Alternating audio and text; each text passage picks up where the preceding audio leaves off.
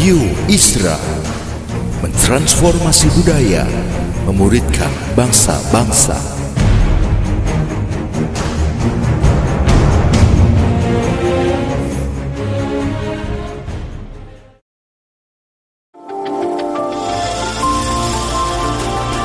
Voice of Pradaim menyuarakan paradigma kebenaran firman Tuhan yang esensi untuk memperlengkapi Anda menggenapi misi dan panggilan ilahi. Selamat mendengarkan.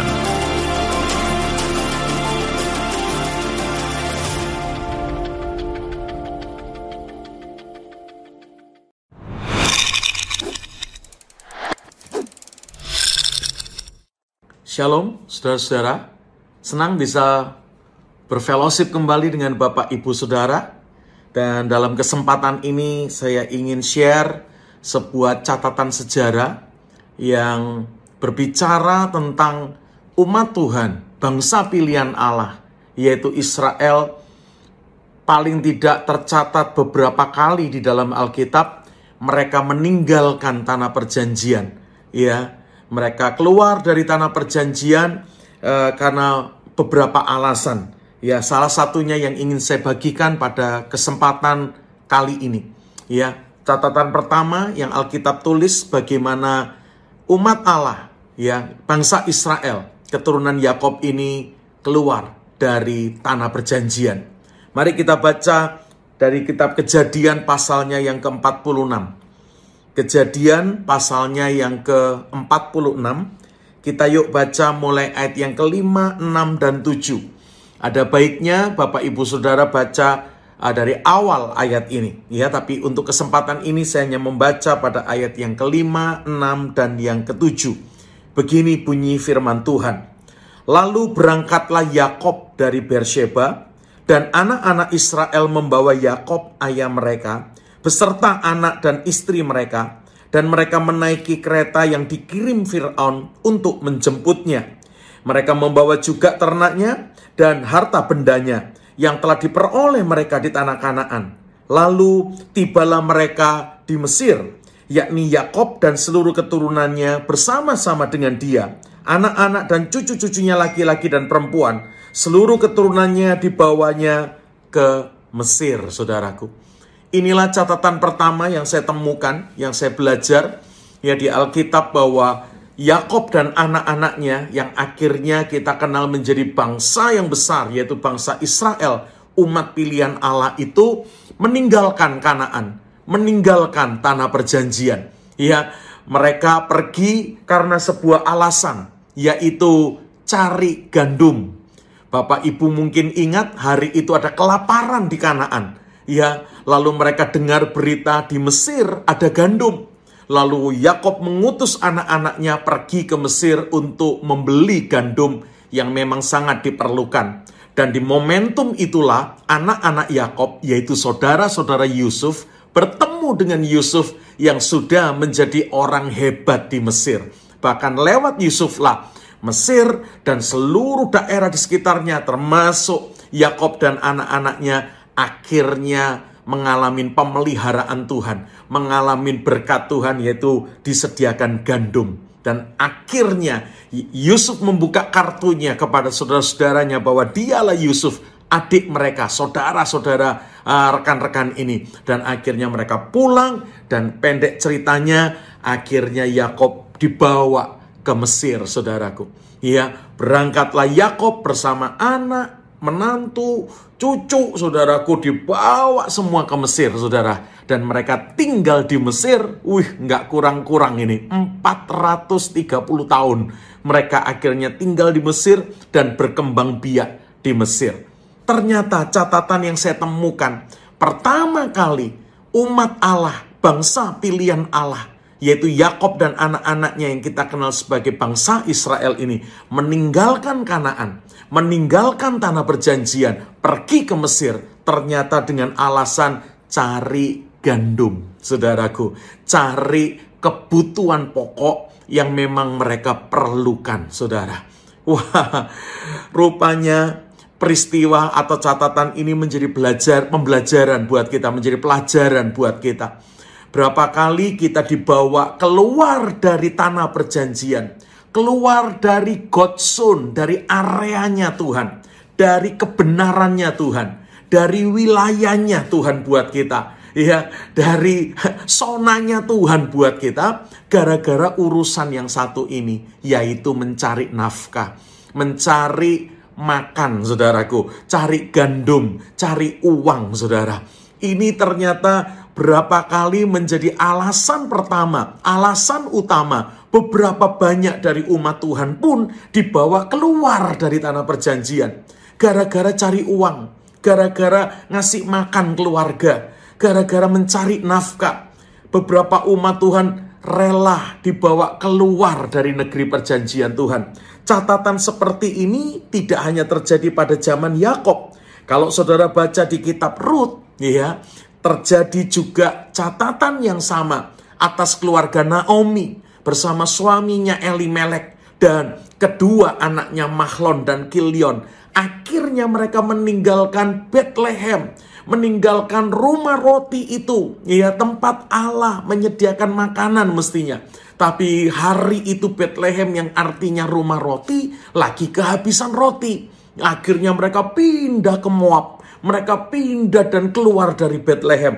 Ada di kitab Rut 1. Ya saudaraku, di kitab Rut fatsalnya yang pertama, kita baca ayat yang pertama mulai. Pada zaman para hakim memerintah, ada kelaparan di tanah Israel. Lalu pergilah seorang dari Bethlehem Yehuda beserta istrinya dan kedua anaknya laki-laki ke daerah Moab untuk menetap di sana sebagai orang asing. Nama orang itu ialah Elimelech nama istrinya Naomi, dan nama kedua anaknya Mahlon dan Kilion. Semuanya orang-orang Efrata dari Bethlehem Yehuda. Dan setelah sampai ke daerah Moab, diamlah mereka di sana. Bahkan yang ngeri untuk catatan Elimelek, Naomi, Mahlon, dan Kilion. Sepuluh tahun mereka ada di Moab. Sepuluh tahun mereka tinggalkan Bethlehem. Akhirnya satu persatu ya mereka dikubur di Moab. Elimelek mati, anaknya Mahlon dan yang kedua Kilion pun dikubur di Moab dan kurang sedikit Naomi pun harus dikubur di Moab tapi puji Tuhan Naomi memutuskan kembali ke, Betle Bethlehem dan salah satu mantunya yaitu Ruth menyertai dia balik ke Bethlehem.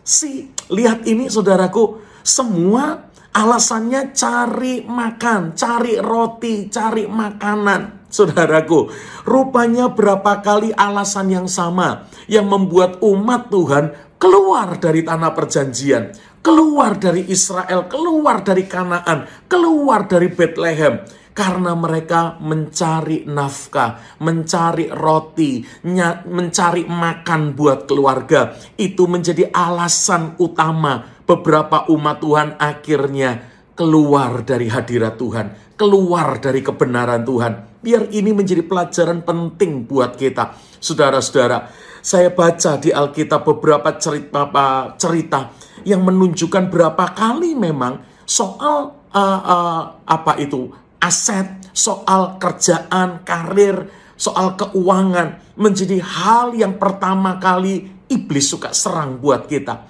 Kalau Bapak Ibu ingat pencobaan yang dialami Ayub, pertama kali juga yang dihabisin yaitu asetnya, yaitu pekerjaannya, ternaknya, kambing dombanya, dilaporkan oleh pegawainya terjadi ini, terjadi itu, habis, musnah, uh, uh, uh, binasa, hilang saudaraku. Yang pertama kali diserangkan iblis kepada Ayub juga masalah sandang pangannya, masalah ternaknya, asetnya. Itu yang pertama kali iblis serangkan. Dan berapa kali umat Tuhan gak siap ketika menghadapi, mencari nafkah, mencari uang, mencari gandum, mencari roti untuk uh, kebutuhan pokok dan keluarganya. Akhirnya mereka memutuskan keluar dari tanah perjanjian, keluar dari hadirat Tuhan, keluar dari kebenaran Tuhan. Saudara, yuk kita belajar pada saat ini, pada kesempatan kali ini, bagaimana seharusnya umat Tuhan mencari nafkah supaya nggak perlu mestinya keluar dari negeri perjanjian, nggak perlu keluar dari zona ke apa kebenaran Tuhan, hadirat Tuhan, sonanya Tuhan buat kita. Karena kita percaya kita punya Allah yang siap menyediakan semua yang kita perlukan. Saudaraku, bagaimana? Yuk kita belajar bagaimana Tuhan Yesus menghadapi pencobaan iblis. Sadar tidak, saudara?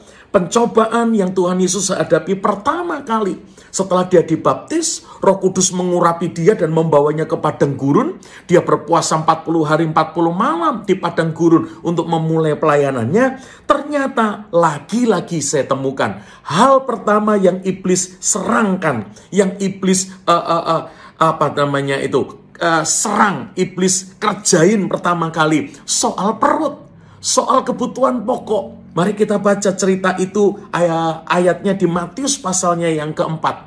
Lagi-lagi soal gandum, soal roti, soal kebutuhan pokok, soal keuangan. Saudaraku menjadi hal pertama yang kalau kita nggak berjaga-jaga, berapa kali kesempatannya kita dibawa keluar dari negeri perjanjian. Mari kita lihat Matius 4 ayat yang pertama mulai.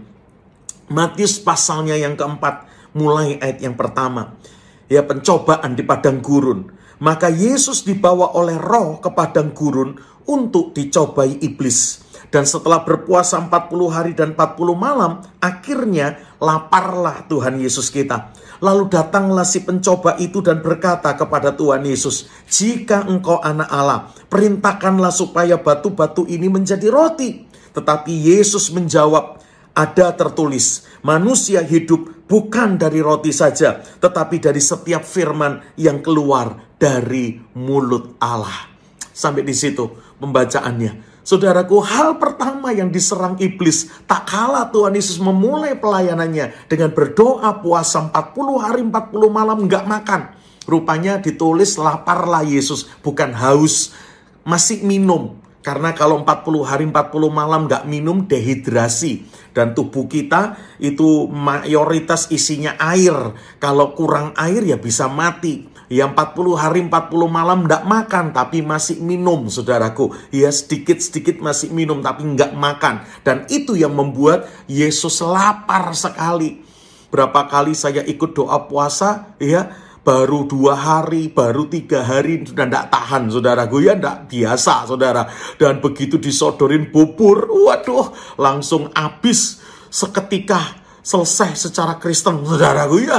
ya karena dua hari tidak makan tiga hari tidak makan tidak kuat. Ini 40 hari. Betapa laparnya Tuhan Yesus kita. Nggak makan 40 hari 40 malam. Dan waktu iblis lihat itu iblis pakai momentum itu untuk menyerang Yesus kita Yesus, uh, iblis berkata kepada Tuhan Yesus kita, "Hei, di padang gurun nggak ada kafe, nggak ada warteg, nggak ada depot, nggak ada kantin, nggak ada restoran. Kalau kamu lapar, kamu butuh roti, udah buat aja batu-batu yang ada di padang gurun ini jadi roti, lalu makan. Kan kamu perlu, kamu butuh, kamu lapar, kamu sangat membutuhkan ini. Kalau nggak mati loh, saudara."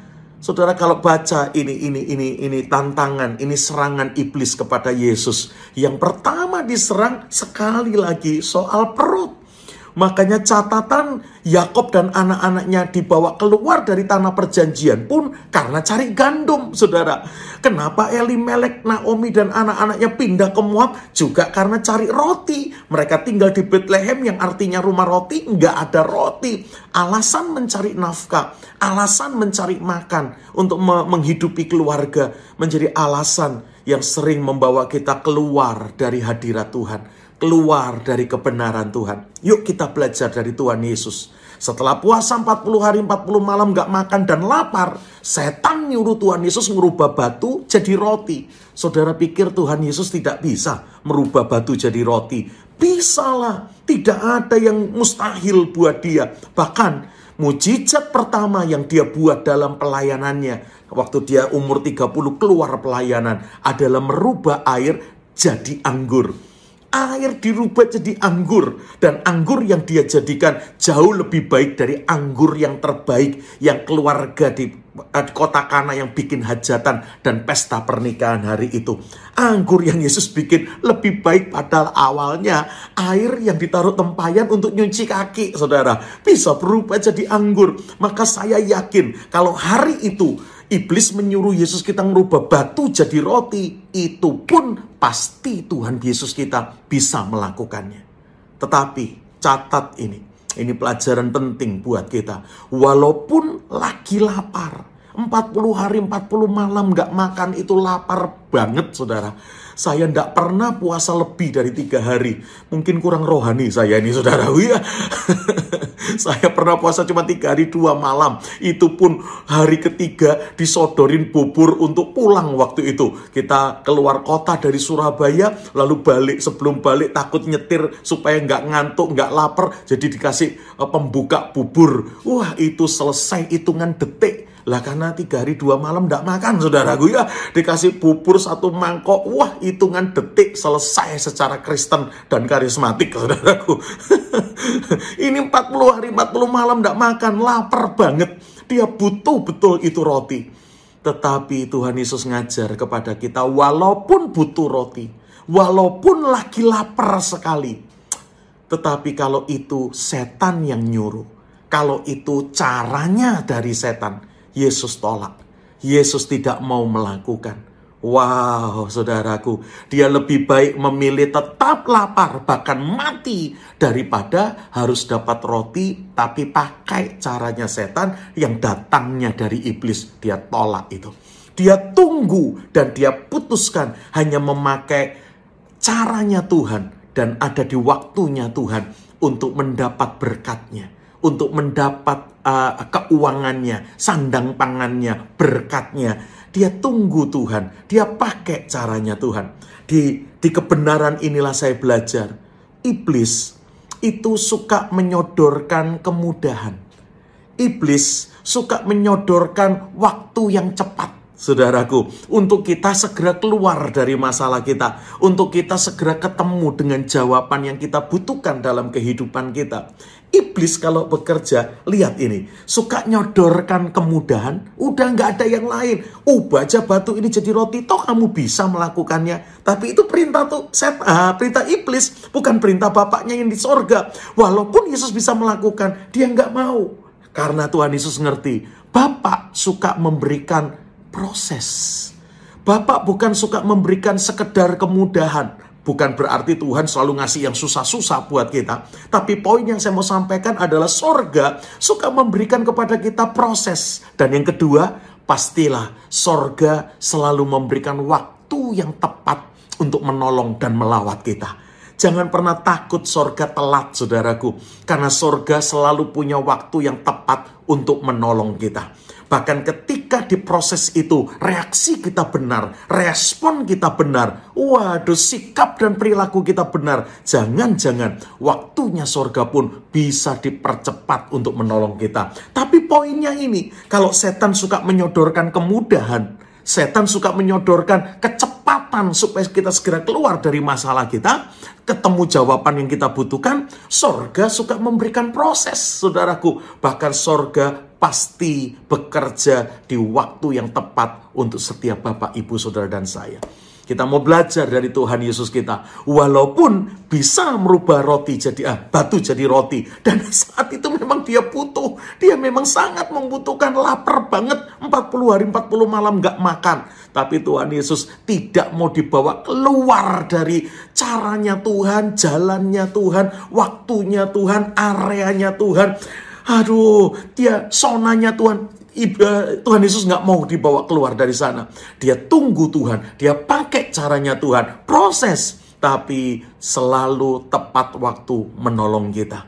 Dan poin yang kedua yang saya belajar dari Matius 4 ini, ya ternyata Tuhan Yesus mengingatkan, nak, aku tahu kamu butuh roti untuk perutmu yang lapar. Aku ngerti, nak. Tetapi ingat ya, nak, kamu bukan hanya butuh roti untuk perut, kamu juga perlu firman yang keluar dari mulutnya Allah. Apa artinya itu? Tuhan cuma mau mengajar begini kepada saudara dan saya. Ya, boleh cari uang. Silakan. Ya, rajin. Jangan malas, saudaraku. Cari uang dengan tekun, dengan sungguh-sungguh. Tidak gampang menyerah, saudaraku, dengan semua tantangan dan kesulitan yang ada. Ingat tadi, sorga suka nyodorkan proses. Karena sorga ingin mencetak Anda dan saya menjadi orang-orang yang berkualitas dalam kehidupan ini. Makanya sorga suka nyodorkan proses, bukan kemudahan. Kemudahan sering kali bikin kita nggak berkualitas. Kemudahan sering kali bikin kita jadi manusia yang tidak yang standar aja nggak nyampe mungkin di bawah standar. Tetapi kalau kita mau belajar dari proses yang ada, kita akan ada di atas standar. Kita akan menjadi orang-orang yang berkualitas dan jangan pernah takut. Sorga nggak pernah telat. Tuhan selalu tepat menolong kita.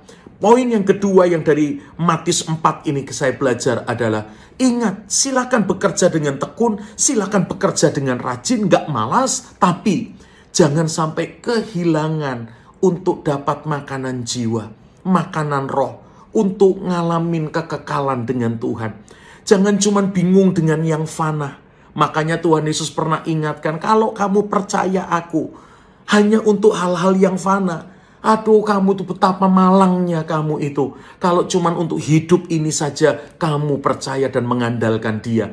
Yesus nggak cuma untuk hidup ini saja, saudaraku. Malah Matius 6 mengatakan, ya, apa yang kamu khawatirkan itu, itu yang dicari bangsa-bangsa kafir yang tidak mengenal Allah. Sementara Tuhan Allahmu mengetahui kamu membutuhkannya. Makanya Matius 6 ayat 33 dicatat dengan kalimat, carilah dahulu kerajaan Allah dan kebenarannya. Kalau itu kita temukan, kalau itu kita dapatkan, maka yang lainnya akan ditambahkan kepada kita. Soal sandang, pangan, papan yang kita butuhkan, sorga tidak pernah tidak mengetahuinya. Saudaraku, ya, cari dulu kerajaan Allah dan kebenarannya kata Matius 6.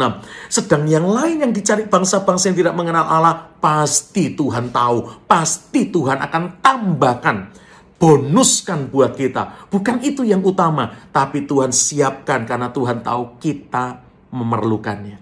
Biar value ini, biar kebenaran ini, saudara ingat, Jangan sampai gara-gara gandum. Jangan sampai gara-gara mencari nafkah, cari uang untuk memberi makan keluarga.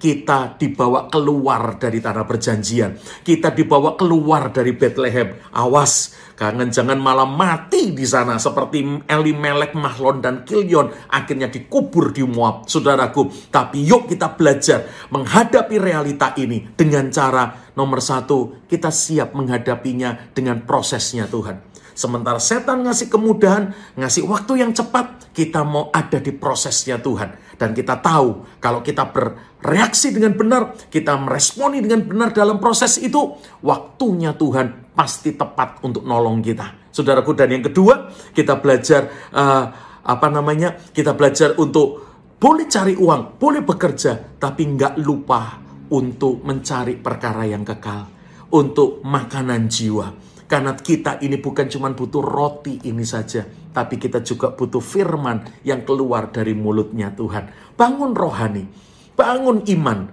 bangun keintiman dengan Tuhan, ukir perkara-perkara yang kekal dengan Tuhan. Orang-orang seperti ini, wow, kau akan melihat di Bethlehemmu, di Kanaanmu, di tanah perjanjian Tuhan buat kita akan limpah dengan susu dan madu, akan limpah dengan berkat Tuhan yang luar biasa saudaraku. Saya teringat seorang rekan saya yang perusahaannya ya berapa puluh tahun yang lalu saya pakai menjadi skripsi saya lulus S1 di Fakultas Ekonomi Manajemen di UK Petra Surabaya. Ya dia home industry, uh, bikin jamu-jamu, beras kencur begitu ya, uh, kunyit asem gitu, kira-kira minuman tradisional orang Jawa, saudaraku. Dan saya memakainya menjadi bahan skripsi saya tahun 1994 yang lalu, saudara. Dan satu kali waktu saya mengerjakan skripsi saya dan uh, ada di perusahaan home industrinya tersebut, ada sebuah kesaksian yang keren yang saya dapatkan. Rekan saya ini bersama istrinya satu kali diminta untuk melayani komsel, melayani persekutuan rumah tangga, kelompok sel dari gerejanya. Ya, dia diminta untuk bagikan firman Tuhan. Wah, dia udah bersedia, dia udah siap-siap dan sore itu segera berangkat. karena waktu pelayanan undangannya jam 6 sore. Ya, eh siap-siap mau berangkat, udah siap, datang langganannya. Yang suka beli eh, jamu-jamuan yang dia produksi, beras kencur, kunyit asem, dan beberapa minuman tradisional Jawa, saudara yang dia produksi, saudaraku. Langganannya ini datang, boleh nggak saya kulakan? Kamu bisa ngelayani nggak? Karena saya butuh orang yang membelinya, besok sudah saya janjikan untuk mengambilnya. Saya butuh ini. Waduh, rekan saya tanya, apa aja yang kamu butuhkan? Ternyata bukan sedikit, cukup banyak yang di, yang mau dibeli dari home industrinya Waduh, dia bilang, saya ini mau persekutuan. Ada tugas yang diberikan kepada saya malam ini di persekutuan. Boleh nggak besok aja saya kirim? Waduh, besok kira-kira kamu bisa kirim jam berapa? Saya janji pagi mungkin dia udah datang mengambilnya. Saya udah terima uangnya katanya. Waduh, kalau pagi ya mungkin belum bisa. Siangan atau sorean gitu. Waduh pak, udah pak kalau bisa sekarang aja dikerjain. Saya mau ambil dan bayar kontan sekarang. Rekan saya berkata, sebentar ya, sebentar. Saya tak tanya istri. Karena saya ini mau berangkat pelayanan, katanya ada persekutuan di mana saya harus melayani sharing firman Tuhan pada malam hari ini. Sebentar, sebentar, aku tanya istriku. Dia masuk ke rumah, dia ngomong, eh ada pelanggan istriku yang mau pesen ini, pesen ini. Lumayan loh, itu pesenannya saya hitung. Wah, cuannya lumayan buat kita. Udah yuk kita kerjain, kerja berdua biar cepet. Tapi istrinya berkata, segitu banyak mau cepatnya seberapa? Nanti telat lu datang ke persekutuan. Nanti telat lu datang ke komsel yang kita akan melayani. Ya, udah bilang besok aja. Sudah, saya udah bilang besok dia nggak mau. Dia minta sekarang karena orang yang membeli yang sudah membayar ke dia, mungkin besok pagi udah ambil. Aduh, tapi ya terserah kamu. Kalau saya sih menyarankan, kita mau persiapan yang terbaik untuk melayani Tuhan Jangan gara-gara order sampai kita datang telat, nanti bingung, malah kamu tidak bisa menyampaikan firman Tuhan dengan leluasa karena bingung, karena telat dan sebagainya. Tapi terserah kamu, kamu mau melayani atau tidak orderan ini, saya serahkan kepadamu. Akhirnya teman saya itu lihat istrinya ndak ndak mendukung orderan itu dikerjakan sore itu. Akhirnya dia keluar dan berkata, sorry ya, kalau kamu minta sore ini ndak bisa. Secepat-cepatnya kayaknya lewat 30 menit saya persiapkan. Ya dan saya bisa telat dalam persekutuan. Lain kali. Lain kali atau kalau mau besok saya kirim. Dan akhirnya orang itu berkata oh ya sudah pak kalau gitu. Saya coba beli aja di tempat yang lain. Waduh waktu dia dengar customernya ngomong begitu sedih dia. Walah butuh duit saudaraku ya. Itu order datang gara-gara mau pelayanan saudaraku. Jadi akhirnya dia bilang ya sudah tapi sedih hatinya karena nggak jadi dapat keuntungan dari order yang ada. Dan akhirnya berangkatlah dia dan istrinya ke tempat komsel dan tidak melayani orderan pelanggannya. Nyampe di tempat komsel jam 6. Ternyata yang punya rumah juga baru datang dari toko, saudara. Belum mandi. Dan belum ada yang datang, saudaraku. Jadi dia bilang, undangannya jam 6 kan? Betul, Pak. Undangannya jam 6. Tapi anggota komsel kita itu molornya lebih panjang dari karet, Pak. Saudaraku, ya. Undangan jam 6 tuh kadang nongol baru setengah 7 atau jam 7 kurang seperempat. Bapak masuk dulu ya, saya aja baru datang dari toko, tak mandi dulu. Silahkan masuk, Pak. Dan rekan saya dengan istrinya disuruh masuk pemilik rumah yang rumahnya dipakai komsel malah baru datang dan baru mau mandi, saudara. Mereka duduk berdua di ruang persekutuan yang belum ada orang itu. Termasuk yang punya rumah juga baru datang dan baru mau mandi. Makanya si suami ini ngomong sama istrinya, coba tadi saya siapin dulu karena enak. Toh belum ada yang datang orangnya. Toh telat persekutuannya.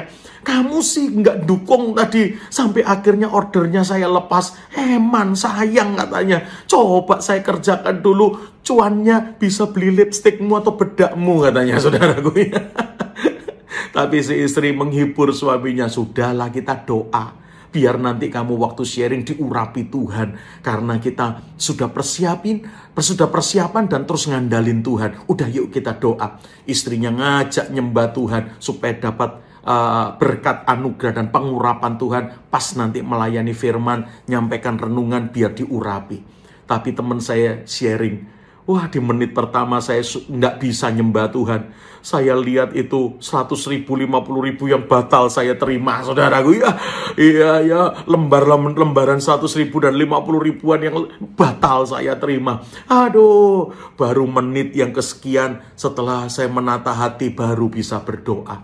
Dan akhirnya Betul, setengah tujuh baru ada yang satu datang, saudaraku ya. Setengah tujuh lebih ada yang kedua, ketiga. Jam tujuh kurang lima baru penuh ruangannya. Dan dia akhirnya nyampaikan firman Tuhan yang penuh urapan. Firman Tuhannya jadi berkat. Dan selesai dia sharing, masih beberapa minta didoakan, konseling dengan dia. Sambil mungkin ada cemilan atau makanan yang disiapin, dia doain yang lain, dia konseling yang lain. Sampai mungkin baru setengah sembilan, jam sembilan malam baru selesai. Dan nyampe ke rumah hampir setengah sepuluh malam. Ternyata rekan saya ini sharing dan katakan, itu pelanggannya yang tadi sore datang masih ada di depan rumah nunggu dia. Sampai waktu dia lihat, dia segera turun dari mobil dan tanya, loh kamu masih ada di sini toh? Aduh pak, katanya hari itu belum ada handphone kayak sekarang, tahun 94 saudaraku ya. Waduh, saya itu nunggu bapak kelamaan, itu persekutuan doa ngomong sama Tuhan, tuh ngomong apa aja pak, sampai jam-jaman katanya saudaraku ya. Dari jam 6 sampai jam sekian baru pulang katanya. Loh, saya nggak tahu kalau kamu masih nunggu saya, katanya mau ngambil produknya orang lain. Betul, awalnya begitu. Tapi saya ingat yang sudah bayar saya, biasa pakai produkmu, biasa membeli dan dapat produkmu. Saya takut kalau saya kasih produk yang lain nggak sama, komplain nanti. Makanya saya putuskan balik ke rumah Anda, nunggu Anda. Tadi saya mau nunggu di dalam sama pembantumu, nggak boleh masuk karena saya nggak dikenal dan kamu nggak ada di rumah. Jadi saya nunggu di luar sampai jam sekian. Ya Tuhan, udah Pak, udah Pak. Kamu itu pengusaha yang juga melayani, susah dicari, waktunya kadang-kadang kredit. Kalau begitu, kalau kamu tidak keberatan, boleh nggak aku kulakan dua kali dari yang saya orderkan sore tadi? Ada nggak barangnya? Dan maukah kamu menyiapkannya malam ini? Wow, gara-gara nyari kamu susah. Udah, saya order dua kali dari yang tadi sore saya pesankan. Itu teman saya dengar, itu dia nangis. Dan dia berkata waktu dia bilang ada barangnya, saya minta waktu nyiapkan. Dan dia masuk rumah, dia nyiapkan sambil nangis. Dan dia berkata, Tuhan, kalau tadi saya garap order ini, saya dapat duitnya, tapi belum tentu saya diurapi di dalam pelayanan dan sharing saya tadi. Gara-gara saya merasa telat, buru-buru, kacau balau. Tapi gara-gara saya mempersiapkan dan Tuhan perhitungkan yang saya kerjakan tadi. Wow, apa yang saya tidak pikir dan duga, itu yang Tuhan kerjakan buat saya. Saya malah dapat order dua kali lebih banyak dari yang sore tadi. Terima kasih Tuhan. Waktu saya dengar sharing dan kesaksian ini, saya jadi ingat prinsip Matius 4 itu. Mari saudara, berapa kali Memang Tuhan tidak menyodorkan kemudahan buat kita di saat kita mencari nafkah. Apalagi lagi pandemi seperti sekarang ini. Sorga tidak suka memberikan kemudahan yang bikin kita tidak punya kualitas. Sorga nyodorkan proses. Tapi ingat, Tuhan itu tidak pernah telat menolong kita. Bahkan ketika sementara kita bekerja dengan sungguh-sungguh, dengan rajin, dengan tekun, kita tetap membangun rohani, kita tetap membangun iman, kita tetap juga membangun kekekalan kita dengan baik. Wow, lihat itu. Berapa kali yang Tuhan kerjakan dahsyat dan ajaib. Saudaraku, nggak perlu keluar dari negeri perjanjian. Di negeri perjanjian, sungguh diberkati Tuhan dengan kelimpahan susu dan madu dan anggurnya. Diangkat sampai dua tiga orang karena begitu dahsyat Tuhan memberkati kita. Biar berkat sharing firman Tuhan ini memberkati Bapak Ibu Saudara semua.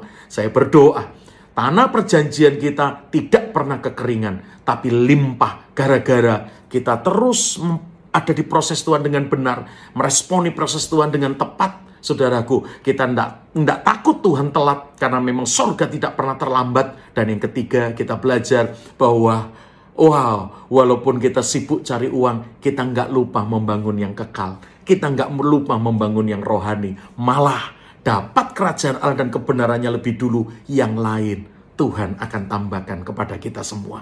Doa saya, kepada Bapak, Ibu, Saudara semua, bulan-bulan terakhir, berapa waktu terakhir sebelum menutup tahun ini, kau akan lihat ya di tanah perjanjianmu dilimpahi Tuhan dengan susu dan madu dan anggurnya yang luar biasa. Sampai lewat kita yang diberkati, kita pun siap jadi berkat buat banyak orang yang lain.